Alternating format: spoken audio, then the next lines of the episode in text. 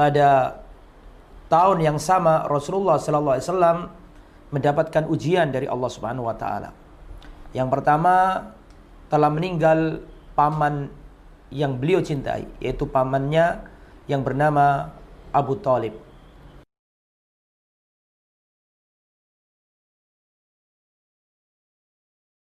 Yang membela Nabi, yang melindungi Nabi, yang mengayomi Nabi, merawat Nabi sejak Nabi masih kecil. Kemudian selang beberapa bulan wafat pula kekasih beliau yang mulia yaitu Sayyidatuna Khadijah binti Khuwailid. Maka Rasulullah sallallahu alaihi wasallam sangat sedih di tahun tersebut yaitu pada tahun 10 masa kenabian. 10 tahun menjadi nabi, Rasulullah ditinggal wafat oleh orang-orang yang beliau cintai, paman beliau dan juga istri beliau yang tercinta yang bernama uh, Khadijah binti Khuwailid. Dengan wafatnya dua orang ini, maka semakin uh, sadis, semakin kuat dan semakin dahsyat perlawanan atau tindakan yang dilakukan kafir Quraisy kepada Rasulullah SAW.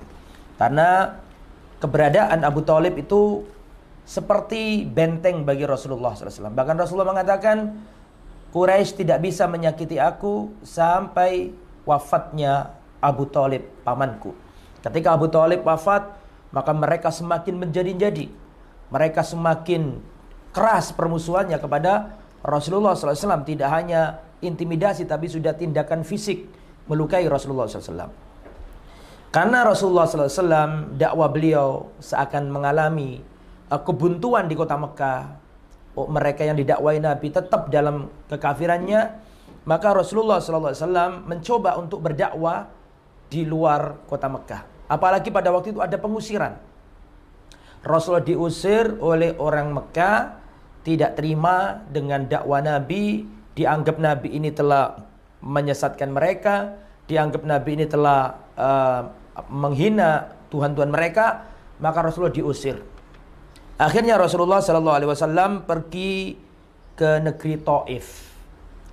Saya kita baca fi Syawal sana asyra minan nubuwah pada bulan Syawal tepatnya di tahun 10 masa kenabian. Jadi Rasulullah diangkat jadi rasul umur 40 tahun. 10 tahun sesudahnya yaitu Rasulullah umur 50 tahun. Di situlah Rasulullah keluar dari kota Mekah, diusir kaumnya. Rasulullah menuju negeri Taif.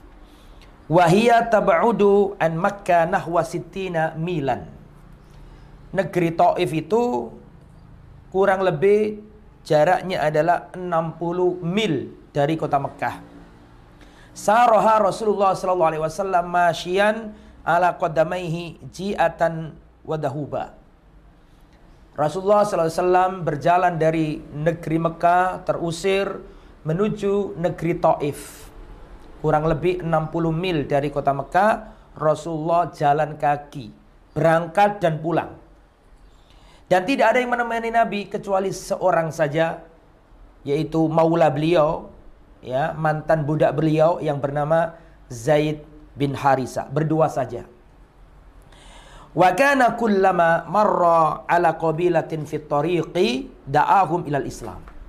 Dalam perjalanan 60 mil dari kota Mekah ke Taif itu ketika Rasulullah di tengah perjalanan melewati kabilah-kabilah maka Rasulullah dakwai Ketika perjalanan ada suku, ada kabilah dimampiri sama Rasulullah. Terus didakwahi Rasulullah SAW. Diajak masuk Islam. Diajari la ilaha illallah. Falam tujib ilahi wahidatun minha. Tapi tidak ada satupun kabilah itu yang mau masuk Islam. Ditolak dakwanya Rasulullah SAW. Dari Mekah sampai ke Taif kurang lebih 60 mil. Setiap ada kabilah, setiap ada suku-suku didatangi Rasulullah. Semua menolak. Tidak ada yang menerima dakwah Rasulullah SAW. Sampai Rasulullah tiba di negeri Taif. Ketika Rasulullah tiba di negeri Taif, maka Rasulullah mendatangi tiga pembesar Taif. Mereka adalah para ketua suku atau kabilah Sakif. Tiga orang. Yang pertama, yang pertama Abdu Yalail yang kedua Mas'ud, yang ketiga Habib. Ya, dua-duanya anak dari Amr bin Umar As-Saqafi. Jadi tiga orang. Abdu Yalail, Mas'ud, wa Habib, Abna'u Amr bin Umar As-Saqafi. Mereka ini adalah putra dari Amr bin Umar As-Saqafi. Ketiga-tiganya. Satu keluarga. Ini yang menguasai negeri Taif. Tiga sesepuh, tiga uh, ketua suku ini didatangi Rasulullah, diajak masuk Islam. Diajak masuk Islam, menolong Islam, mendakwakan Islam, bertauhid, ya, menegakkan ketauhidan, akidah yang benar, menyembah hanya kepada Allah, meninggalkan sesembahan-sembahan kepada selain Allah, meninggalkan patung, meninggalkan tradisi-tradisi jahiliyah, diajak masuk Islam. Tetapi kita lihat bagaimana tanggapan dari ketiganya ini. Yang pertama berkata bahwa huwa yamrutu thiyabal ka'bah ayyumazziquha in arsalaka. Yang satu mengatakan wahai Muhammad kalau benar-benar kamu itu nabi maka aku akan merobek kainnya Ka'bah. Seandainya kamu ini nabi, ya saya nggak percaya kamu nabi. Seandainya kamu ini nabi benar-benar niscaya saya akan datang ke Mekah, saya robek-robek itu. Apa namanya? siternya Ka'bah, kainnya Ka'bah. Saya nggak percaya dengan dirimu yang mengaku sebagai rasul. Itu yang pertama.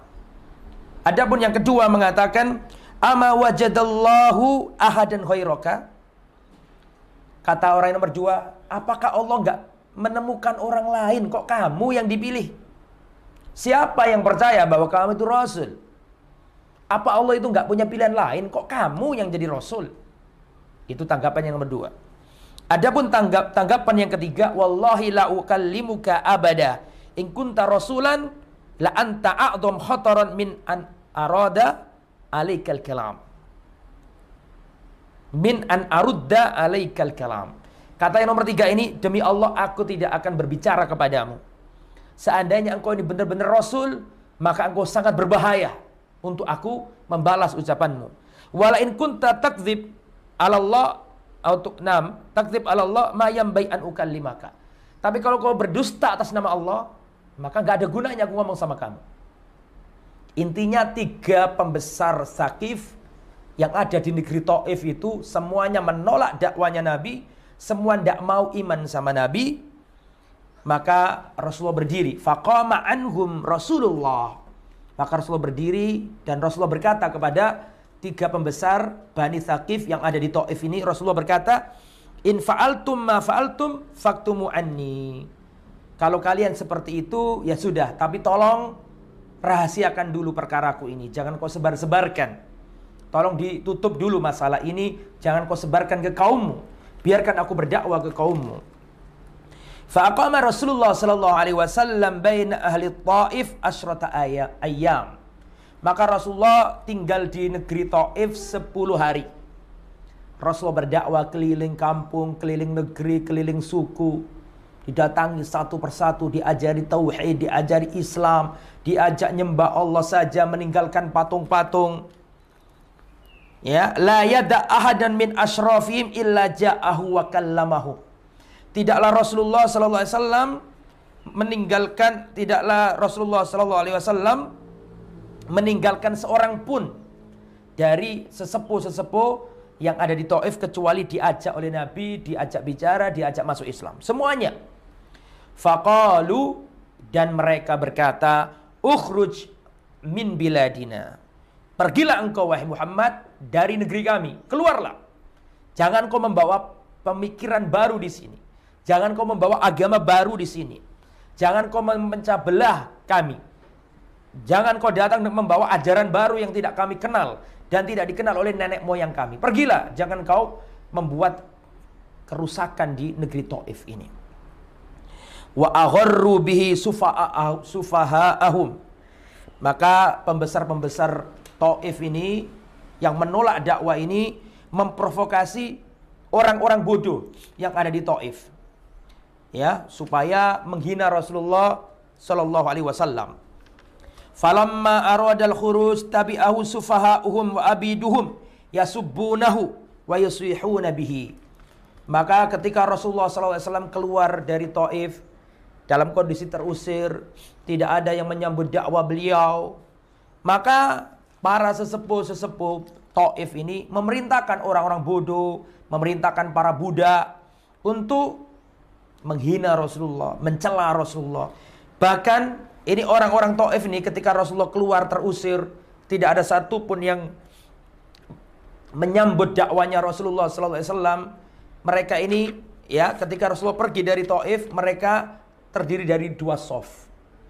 Jadi jalan itu kan pinggir apa di tepi yang kanan, di tepi yang kiri. Rasulullah jalan, mereka baris di tepian jalan itu. Dan mereka melempari Rasulullah SAW. Dari yang kanan melempari, dari yang kiri melempari. Rasulullah jalan di tengah-tengah, dilempari oleh orang-orang bodoh, orang lemah, para apa namanya orang-orang Taif. Dilempari Rasulullah SAW. Sampai kakinya Rasulullah itu berlumuran darah. Dan pada waktu itu Zaid bin Harisa satu-satunya orang yang menemani Rasulullah ketika dakwah di Taif itu menjadi tamengnya Rasulullah, dilempari batu. Maka ditolak sama Zaid bin Harisa. Ya, ditahan sama Zaid bin Harisa, Rasulullah dilempari batu sampai berdarah kepala Rasulullah SAW. Kepalanya Rasulullah SAW berdarah karena dilempari oleh kaum yang menolak dakwanya. Mereka tidak cukup menolak dakwah, tapi menentang dakwah dan memusuhi dakwah. Mereka melempari Rasulullah dengan batu sampai berdarah-darah Rasulullah berjalan pulang. Rasulullah berlari sama Zaid bin Harisa karena menghindari lemparan batu tersebut. Falam yazal bi sufaha kadzalika hatta alja'u ila ha'itin lu'utba wa syaiba ibnai uh, Rabi'ah ala salas amyal minat ta'if.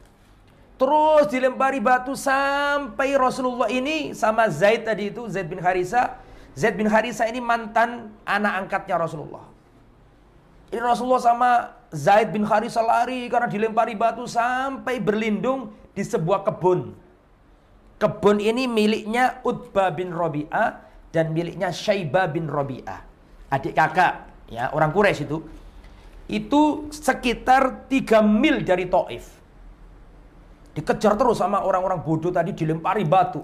Sampai Rasulullah keluar 3 mil Ya tiga mil dari Taif Rasulullah masuk ke kebun. Itu miliknya Utbah bin Robi'ah dan miliknya Syaibah bin Robi'ah. Dua-duanya adik kakak orang Quraisy masuk ke situ. Berlindung di situ, sembunyi di situ. Falamma iltaja ilaihi roja'u anhu. Ketika Rasulullah masuk kebun, maka orang-orang Taif ini pulang semuanya. Orang-orang Taif ini pulang semuanya nggak apa sudah tidak mengejar Nabi. Ketika Nabi sudah masuk kebun itu berlindung, maka orang-orang pulang semuanya. Wa ata Rasulullah ila hubla Kemudian diselanjutkan di sini wa ata Rasulullah sallallahu alaihi wasallam ila hubla min inabin fajalasa tahta dilliha ila jidarin. Kemudian Rasulullah sallallahu alaihi wasallam ya ada di apa namanya di tempat tersebut. Kemudian Rasulullah sallallahu alaihi wasallam uh, berlindung, bernaung di bawah tembok yang ada di kebun tersebut. Rasulullah istirahat di situ. Itu Rasulullah berdarah-darah.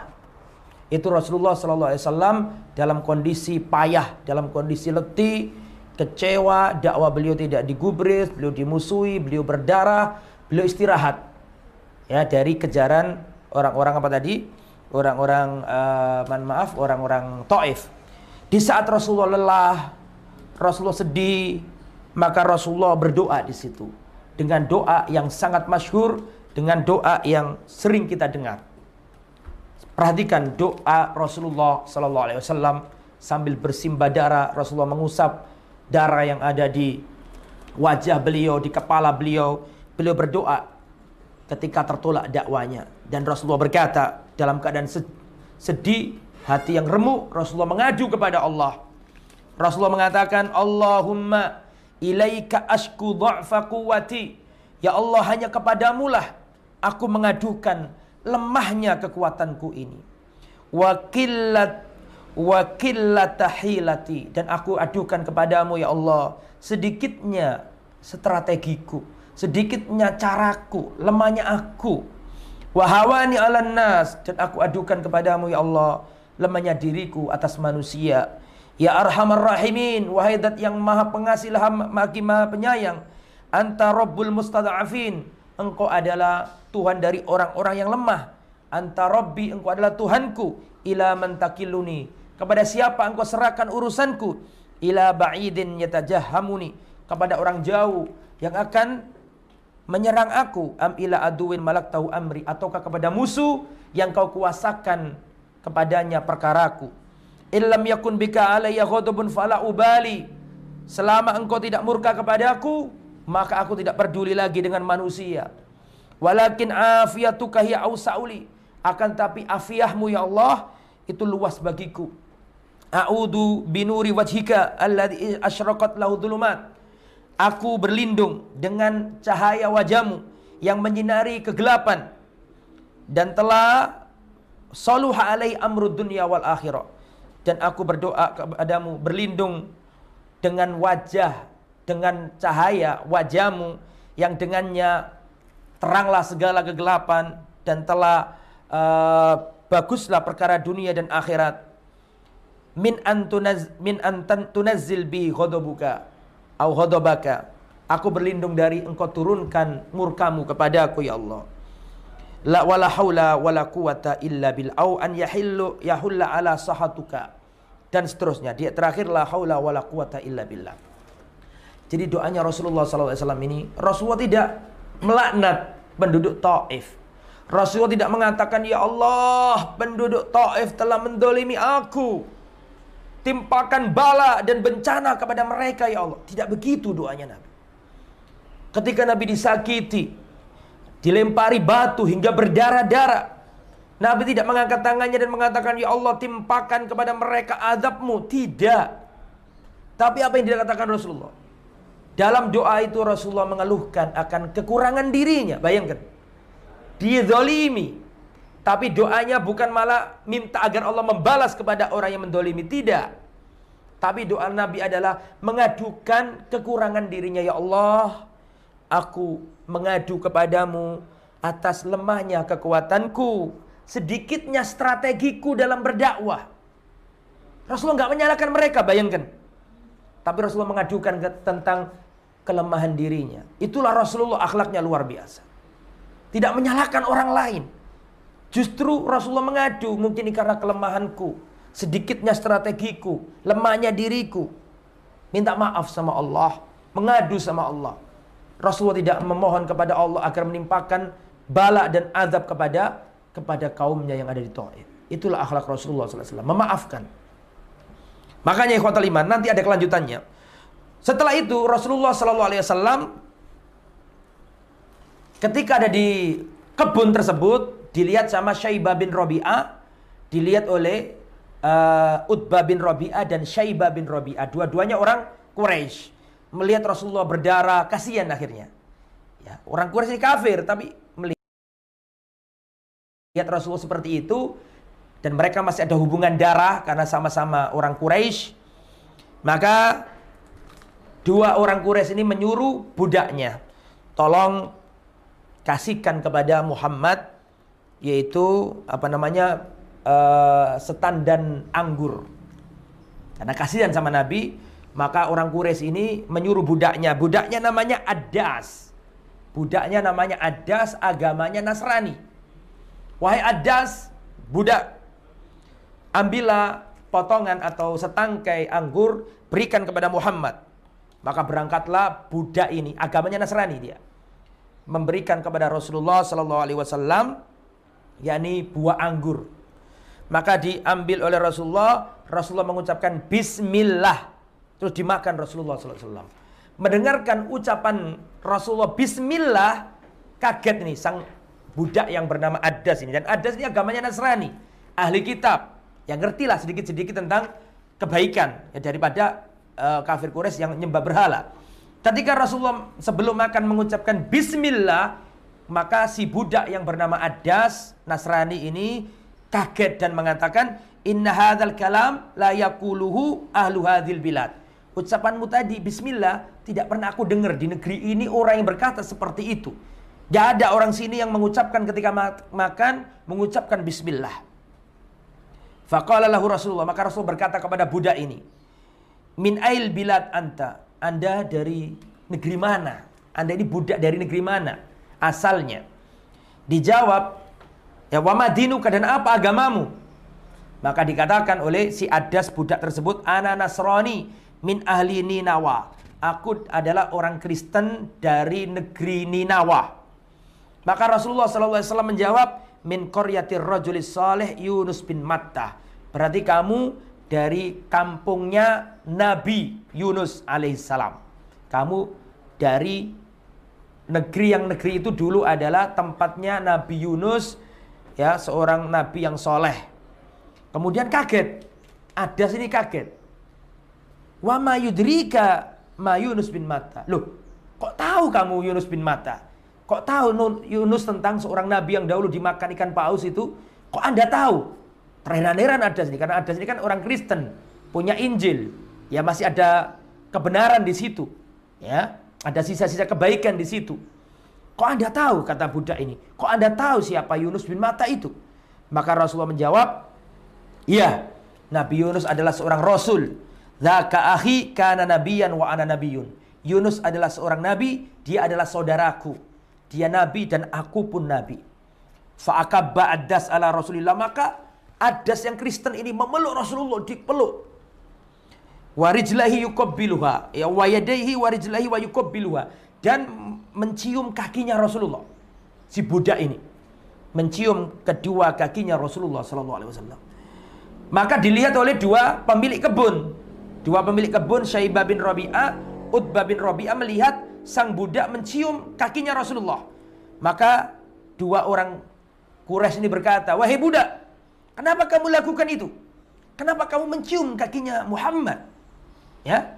Maka si budak mengatakan, "Ya Sayyidi, ma fil ardi syai'un khair min hadar rajul." Celaka kamu budak. Kenapa kamu mencium Muhammad? Kenapa kamu memeluknya? Maka seorang budak ini mengatakan, Wahai majikanku, wahai tuanku, tidak ada di muka bumi ini yang lebih baik dari orang ini. Aku tadi diberi kabar dia tentang perkara yang tidak ada yang tahu kecuali Nabi. Dan dia ngerti tentang Yunus bin Matta, ngerti tentang dan itu sama di Injilnya. Jadi ada sih memahami berarti bukan orang sembarangan. Faqala lahu maka marah majikannya dan mengatakan, "Wahai hak ya Addas, celaka kamu wahai Addas. Jangan sampai kamu murtad dari agama Kristen ikut agamanya Muhammad. Fa inna dinaka khairun min dinihi. Sesungguhnya agamamu lebih baik daripada agamanya Muhammad ini." Ya marah. Ya. Itu itu kisah di tengah jalan. Kemudian setelah itu Rasulullah berjalan pulang. Pulang menuju Mekah. Sampai di kota Mekah Rasulullah SAW bing, apa namanya beliau bimbang karena posisi beliau itu diusir dari Mekah. Bagaimana mau masuk? Kemarin ke Taif itu karena diusir dari Mekah. Nah sekarang diusir dari Taif. Masa kembali ke Mekah? Padahal Mekah itu kemarin beliau di, diusir. Maka di tengah perjalanan beliau didatangi malaikat Jibril. Ini dicantumkan dalam kitab Sahih Bukhari. Dari Aisyah. Hal ata alaika yawmun kana asadu alaika min yawmin Uhud. Rasulullah pernah ditanya sama Aisyah, "Ya Rasulullah, apakah ada perkara yang dahsyat menimpamu ya daripada perang Uhud yang ketika Rasulullah apa kena senjata, Rasulullah berdarah, kaum muslimin kalah perang? Apakah ada yang lebih dahsyat dari itu ya Rasulullah?" Maka Rasulullah cerita, Aku dulu pernah mengunjungi Taif. Fima makna Rasulullah berkata, aku dulu pernah mengunjungi Taif. Aku dakwai mereka Abdu Yalail, kemudian apa sesepuhnya mereka aku dakwai tapi mereka menolak dakwaku kemudian mereka melempari aku dengan batu. Kemudian aku berdarah-darah dengan Zaid. Sampai aku berjalan di tengah jalan itu aku didatangi malaikat Jibril. Nah, perhatikan. Ketika aku sedih ketika aku dalam keadaan terluka aku berdarah farafa'tu ra'si fa idza ana bisahabatin qad adalatni tiba-tiba datang mendung. Ya, waktu perjalanan pulang tadi itu ke Mekah, Rasulullah diliputi mendung. Fanadortu faida via Jibril. Saya melihat ke atas ke arah mendung itu tiba-tiba saya melihat ada Jibril, malaikat Jibril. Fanadani, maka malaikat Jibril berkata kepadaku, Innallaha qad sami'a qaula qaumika laka. Muhammad, sesungguhnya Allah telah mendengarkan ucapan-ucapan kaummu kepadamu. Mereka melemparimu dengan batu, mereka menolak dakwamu, mereka menghinakanmu. Allah melihat semua itu wahai Muhammad. Wa ma radduka alaika. Wa ma raddu alaika dan apa yang mereka balas untukmu. Wa qad ba'atallahu ilaika malakal jibal lita'murahu bima syi'ta fihim. Maka Allah Subhanahu wa taala mengutus malaikat gunung kepadamu wahai Muhammad. Perintahkan malaikat gunung ini sesuka hatimu. Fanadani malakul jibal. Maka datanglah malaikat gunung. Malaikat gunung itu berkata kepada Rasulullah. Fasallama alaiya. Maka malaikat gunung tadi mengatakan. Assalamualaikum ya Muhammad. Dijawab sama Rasulullah. Waalaikumsalam warahmatullahi wabarakatuh. Kemudian malaikat Jibril itu berkata. Ya Muhammad. Dhalika fama syi'ta. In syi'ta an utabbik alaihim al-akhsyabain.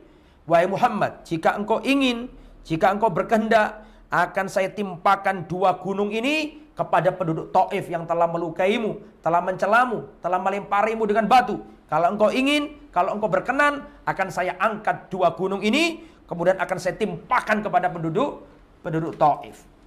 Disekarap kata orang Jawa. Minta apa Muhammad?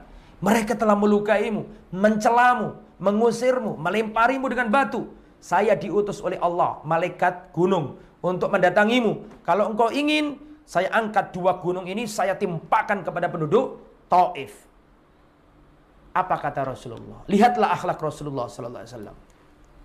Rasulullah sallallahu alaihi wasallam mengatakan bal arju an yuhrijallahu min aslabihim man ya'budullaha wahdahu la la, la yusyriku bihi syai'a. Jangan Jangan kau timpakan dua gunung ini kepada mereka. Ya, di sini dikatakan uh, Laksabani ini Jabala Makkah dua gunung kota Mekah yang terkenal itu mau dihempaskan ke penduduk Taif. Dicegah sama Nabi jangan jangan. Justru aku berdoa, aku berharap kepada Allah agar Allah mengeluarkan dari dari anak keturunan mereka nanti ada mereka adalah kaum yang akan menyembah Allah saja dan tidak menyekutukannya. Jangan kau adab mereka. Jangan kau timpakan dua gunung ini kepada penduduk Taif. Tapi aku berdoa kepada Allah agar Allah keluarkan nanti melalui anak keturunan mereka yang mana mereka nanti akan menyembah Allah saja dan tidak menyekutukan Allah. Nabi gak dendam. Inilah akhlak Rasulullah Sallallahu Alaihi Wasallam. dan dalam kisah yang lain semisal dengan kisah ini perhatikan ya jamaah.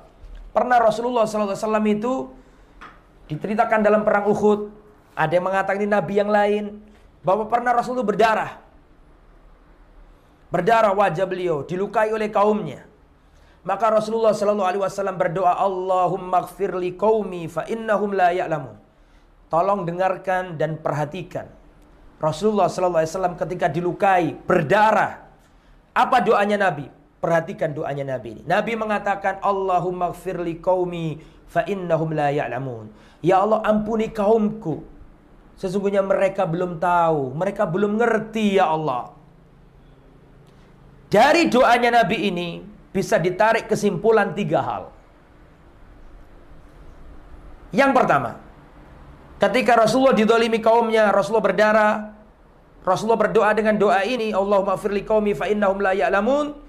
Ya Allah ampuni kaumku sesungguhnya mereka belum tahu. Ini mengandung tiga hal. Yang pertama, Allah, mohon maaf, Rasulullah memaafkan mereka. Itu pelajaran pertama dari doa ini. Rasulullah memaafkan mereka. Kenapa? Mana dalilnya Rasulullah memaafkan mereka? Mereka karena Nabi berdoa, Allah ya Allah ampuni mereka. Itu dalil bahwa Rasulullah SAW memaafkan perlakuan mereka yang melempari Nabi, melempar senjata ke Nabi sampai Rasulullah berdarah. Makanya dilakukan Nabi pertama kali memaafkan mereka. Yang kedua yang dilakukan Nabi tidak cukup meminta maaf, eh maaf, tidak cukup memaafkan.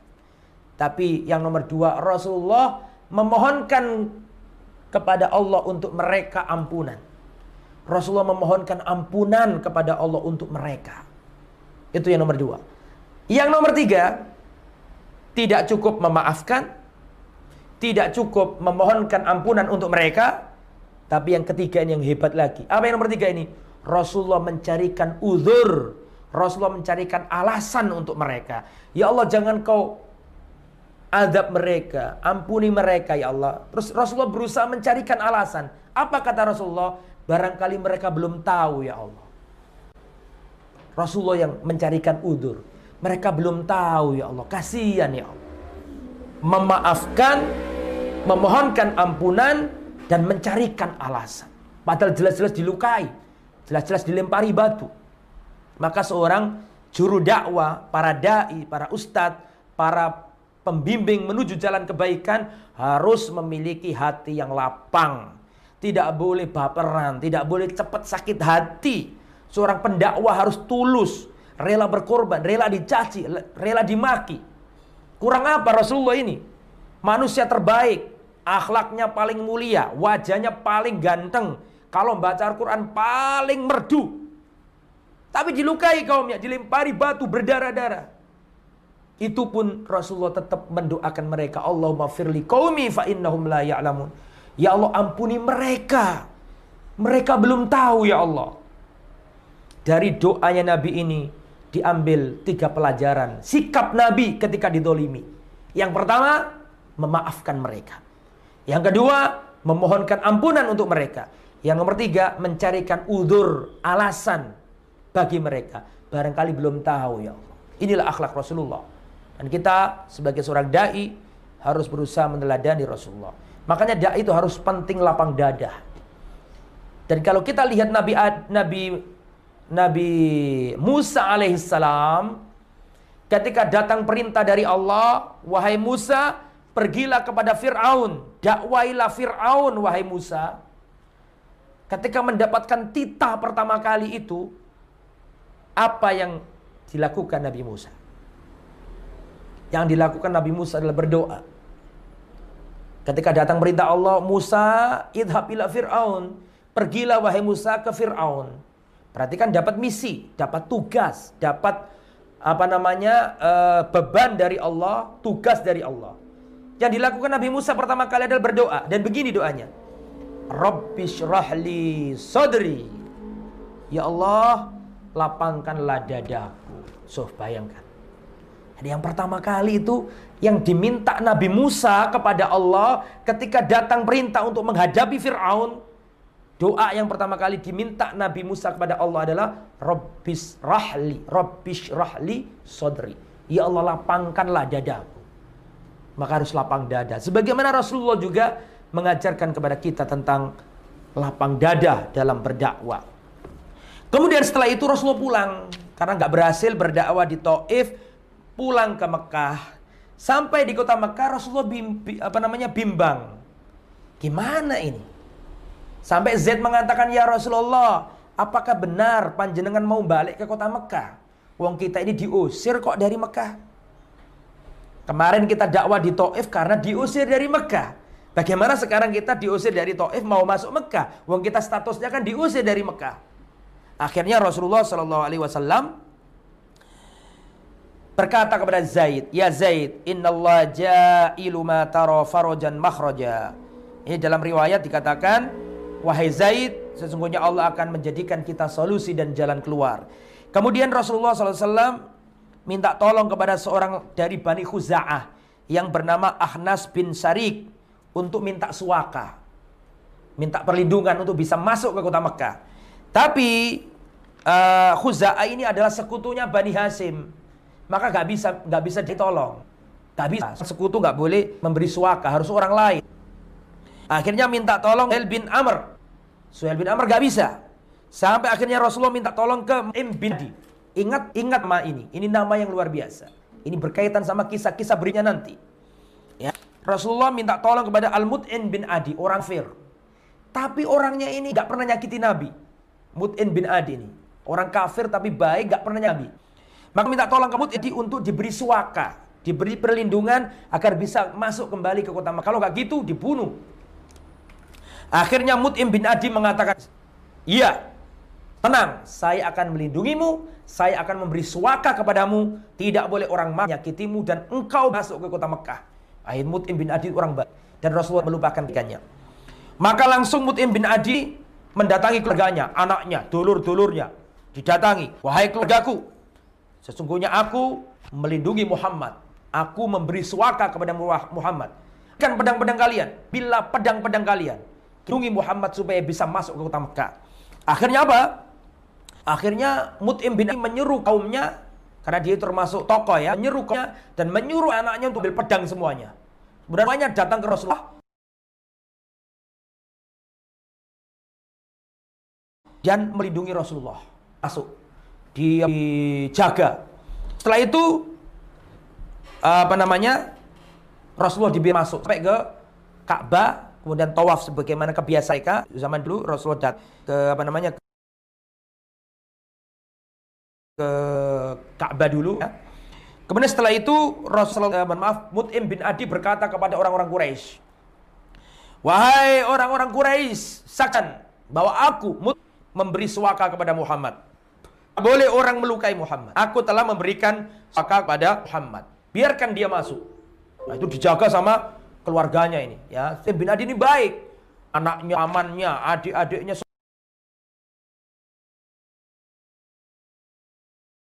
semua dikumpulkan bawa pedangnya untuk melindungi Rasulullah sama Zaid tadi itu yang pulang dari Taif.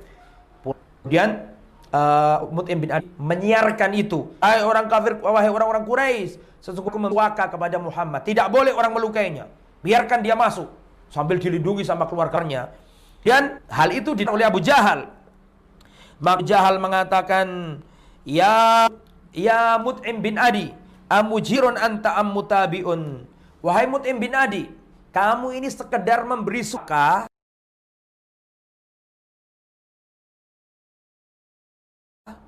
Ataukah kamu masuk Islam? Kamu ini sekedar memberi perlindungan agar Muhammad masuk ke Mekah ataukah kamu sudah ikut agamanya Muhammad, kamu murtad dari agama nenek moyang, masuk Islam ataukah sekedar memberi suaka saja? Maka dijawab Samud bin Adi, "Bajir, aku yang memberi suaka. Aku masuk agamanya Muhammad, aku cuma memberi suaka saja." Melihat ucapan itu, maka Abu Jahal mengatakan, "Kau nama ajarta." Kalau gitu pun memberi suaka kepada orang kamu beri suaka, wahai Mut'im Adi. Apa-apa kalau gitu kan. Kata Abu Jahal, penting kan masuk Islam. Kalau sekedar memberikan Muhammad supaya ke rumah, akan nggak apa-apa. Setuju kami. Tapi jangan masuk Islam. Maka bin Adi mengatakan, saya akan memberi saya nggak masuk Islam. Akhirnya atas perlindungan dan suara dari Mut'im bin Adi Rasulullah bisa balik ke rumah